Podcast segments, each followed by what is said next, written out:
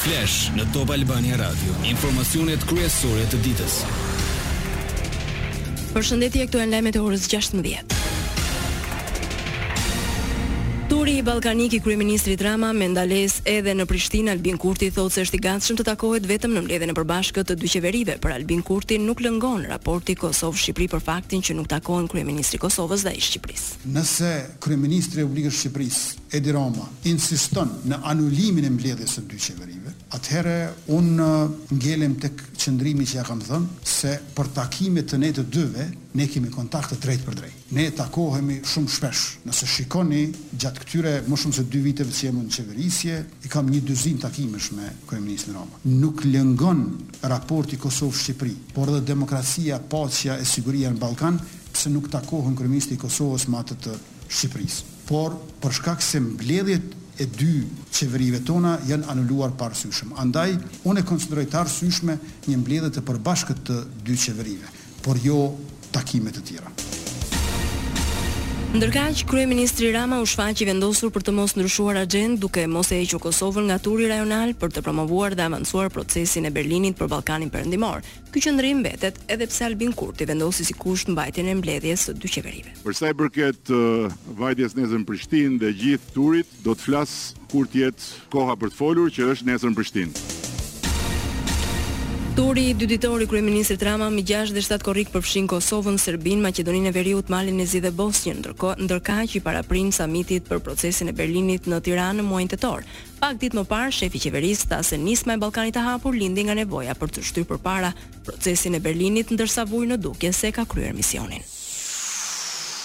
Lajmet në internet në adresën www.topalbaniaradio.com Prezantimi i produkteve të para të shërbimit satelitor. Deri më 21 qershor u mblodhën imazhe për gjashtëmbëdhjetë mijë e treqind e njëzet e katër kilometra katrorë të Republikës së Shqipërisë, Kryeministri Rama tha se dy satelitëve Albanian One dhe Albanian Two iu shtuan tetë të tjerë pa kosto shtesë, institucioneve iu ofruan të dhëna me rëndësi. U bë këtu prezantimi shumë i bukur i hartës së përmbytjeve. Ajo hartë e bën të pamundur abuzimin me metrat katrorë të përmbytura. E bën të pamundur që një përmbytje prej, le të themi, tre kilometrash katrorë, të kthehet në një përmbytje prej pesëmbëdhjetë kilometrash katror, duke shtuar aty viktima të ujit edhe prona të dëmtuara, për të rritur faturën në kurriz të shtetit, duke rritur patjetër edhe normën e korrupsionit.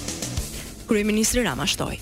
Kanabis, tani më Është shumë më e lehtë për agjencitë ligjzbatuese dhe për drejtuesit, por edhe për drejtimin politik të Ministrisë Brendshme dhe për qeverinë domethënë, për të pasur qartësi të plotë jo thjesht mbi sa sipërfaqe konstatohet e tillë, por dhe mbi sa ndërhyhet në çdo sipërfaqe. Dhe për më tepër, kombinimi i të dhënave me monitorimin që ne kemi bërë në bazë marrëveshjes me Guardia di Finanzën dhe me këtë sistem, na jep një fuqi shumë të madhe në kohë reale.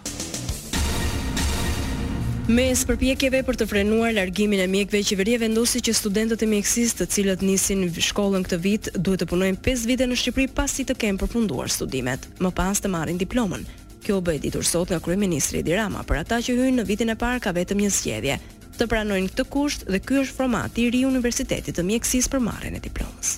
Çdo student i mjekësisë që do të hyjë në Universitetin e Mjekësisë do duhet paraprakisht të njihet me faktin që mjekësia studimet i ka aq sa janë dhe pastaj Për t'u pajisur me diplomë duhen edhe pesë vjet në shërbim të këtij populli. Ndërkohë që për të gjithë ata që janë në proces, vitet janë më të ulëta, të përshkallëzuara, por është absolutisht zgjedhja e tyre. Ministrja e Shëndetësisë Ogerta Manastirliu. Të gjithë këta studentë të cilët do të lidhin marrëveshje siç parashikohet në këtë akt, ligjor me Ministrinë e Arsimit, Ministrinë e Shëndetësisë dhe Universitetin e Mjekësisë të mundet që të kenë punësim prioritar te institucionet shëndetësore, gjithashtu dhe të përfitojnë pas punësimit të tyre sigurisht nga politikat e strehimit social, pa i penguar të drejtën e tyre për t'u specializuar në këto vite të qëndruarit të tyre dhe të ushtruarit të profesionit të tyre. Në fillim të këtij viti akademik studentë studentëve të mjekësisë nga viti i dytë në të gjashtin do u kërkohet të nënshkruajnë një marrëveshje. Atyre nga viti i dytë në të katërtin u duhen 3 vite punë në Shqipëri para diplomimit, ndërsa të viteve të pestë dhe gjashtë dy vjet. Por, nëse ata që janë në sistem nuk pranojnë marrëveshjen me Universitetin e Mjekësisë, Ministritë e Arsimit dhe Shëndetësisë pritet t'u jepet mundësia që të paguajnë koston reale të studimit për vitet e mbetura. Lajme nga rajoni. Kosova miraton ndryshimin në ligjin për skemat e pensioneve, përfitojnë rreth shtatëdhjetë mijë pensionistë të larguar forcërisht nga puna në vitet nëntëdhjetë. Kosto buxhetore e këtij ndryshimi do jetë rreth gjashtëdhjetë milionë euro në vit. Pas miratimit të draftit, kryeministri Albin Kurti tha se me anë të tij sigurohet trajtim i barabartë për të gjithë pensionistët, si dhe rritet mirëqenia sociale. Pas Prishtinës, Beogradi ishte ndalesa e radhës e të dërguarit europian për dialogun Miroslav Lajçak ku takoi Vuçiçin. Presidenti serb shkroi se biseduan për situatën në Kosovë, mënyrat si të ulen tensionet në terren dhe për zbatimin e marrëveshjeve të arritura deri më tani në kuadër të dialogut që ndërmjetësohet nga BE-ja. Për të gjitha këto çështje, Vuçiç kërkoi angazhim konkret të ndërkombëtarëve.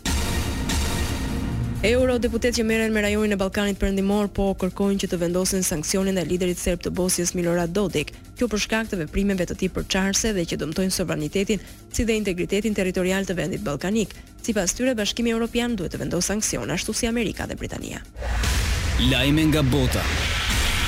Polonia dhe Italia besojnë se Ukraina duhet të pranojë garanci të vërteta të sigurisë, kështu deklaruan sot kryeministrat e dy vendeve në prag të samitit të NATO-s, ku Kievi shpreson të marrë sinjal të fortë se një ditë do t'i bashkohet aleancës.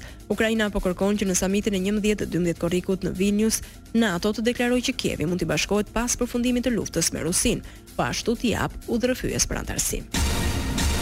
Vitin e kaluar, rreth një milion persona aplikuan për azil në vendet e BE-së, ndërsa Gjermania kryeson listën e shteteve për ku drejtohen aplikimet. Sipas Agjencisë së Azilit të BE-së, kjo shënon rritje prej rreth pesëdhjetë për qind krahasuar me dy mijë e njëzet e njëshin. Shumica e aplikimeve vijnë nga Siria, Afganistani, Turqia, Venezuela dhe Kolumbia. Në Rripin e Gazës militantët hodhën raketa pasi dje forcat izraelite u tërhoqën nga qyteti Xhenin në përfundim të operacionit më të madh ushtarak të kryer prej vitesh në Bregun Perëndimor. Në përgjigje avionët izraelitë goditën një ndërtesë nëntokësore për prodhimin e armëve. Ende nuk dihet nëse do ketë një përshkallëzim të mëtejshëm të tensioneve. Parashikimi i motit. Vendi ynë do vijojë të ndikohet nga kushte atmosferike relativisht të paqëndrueshme. Moti mbetet me kthjellime dhe alternime vranësirash deri të dendura në relievet kodrinore malore ku ka reshje shiu me intensitet të ulët. Sa i përket temperaturave, variojnë nga shtatëmbëdhjetë në tridhjetë e tre gradë celsius. Këtu kemi përfunduar, mirudëgjofshim në edicionin e orës shtatëmbëdhjetë. Kjo është Top Albania Radio.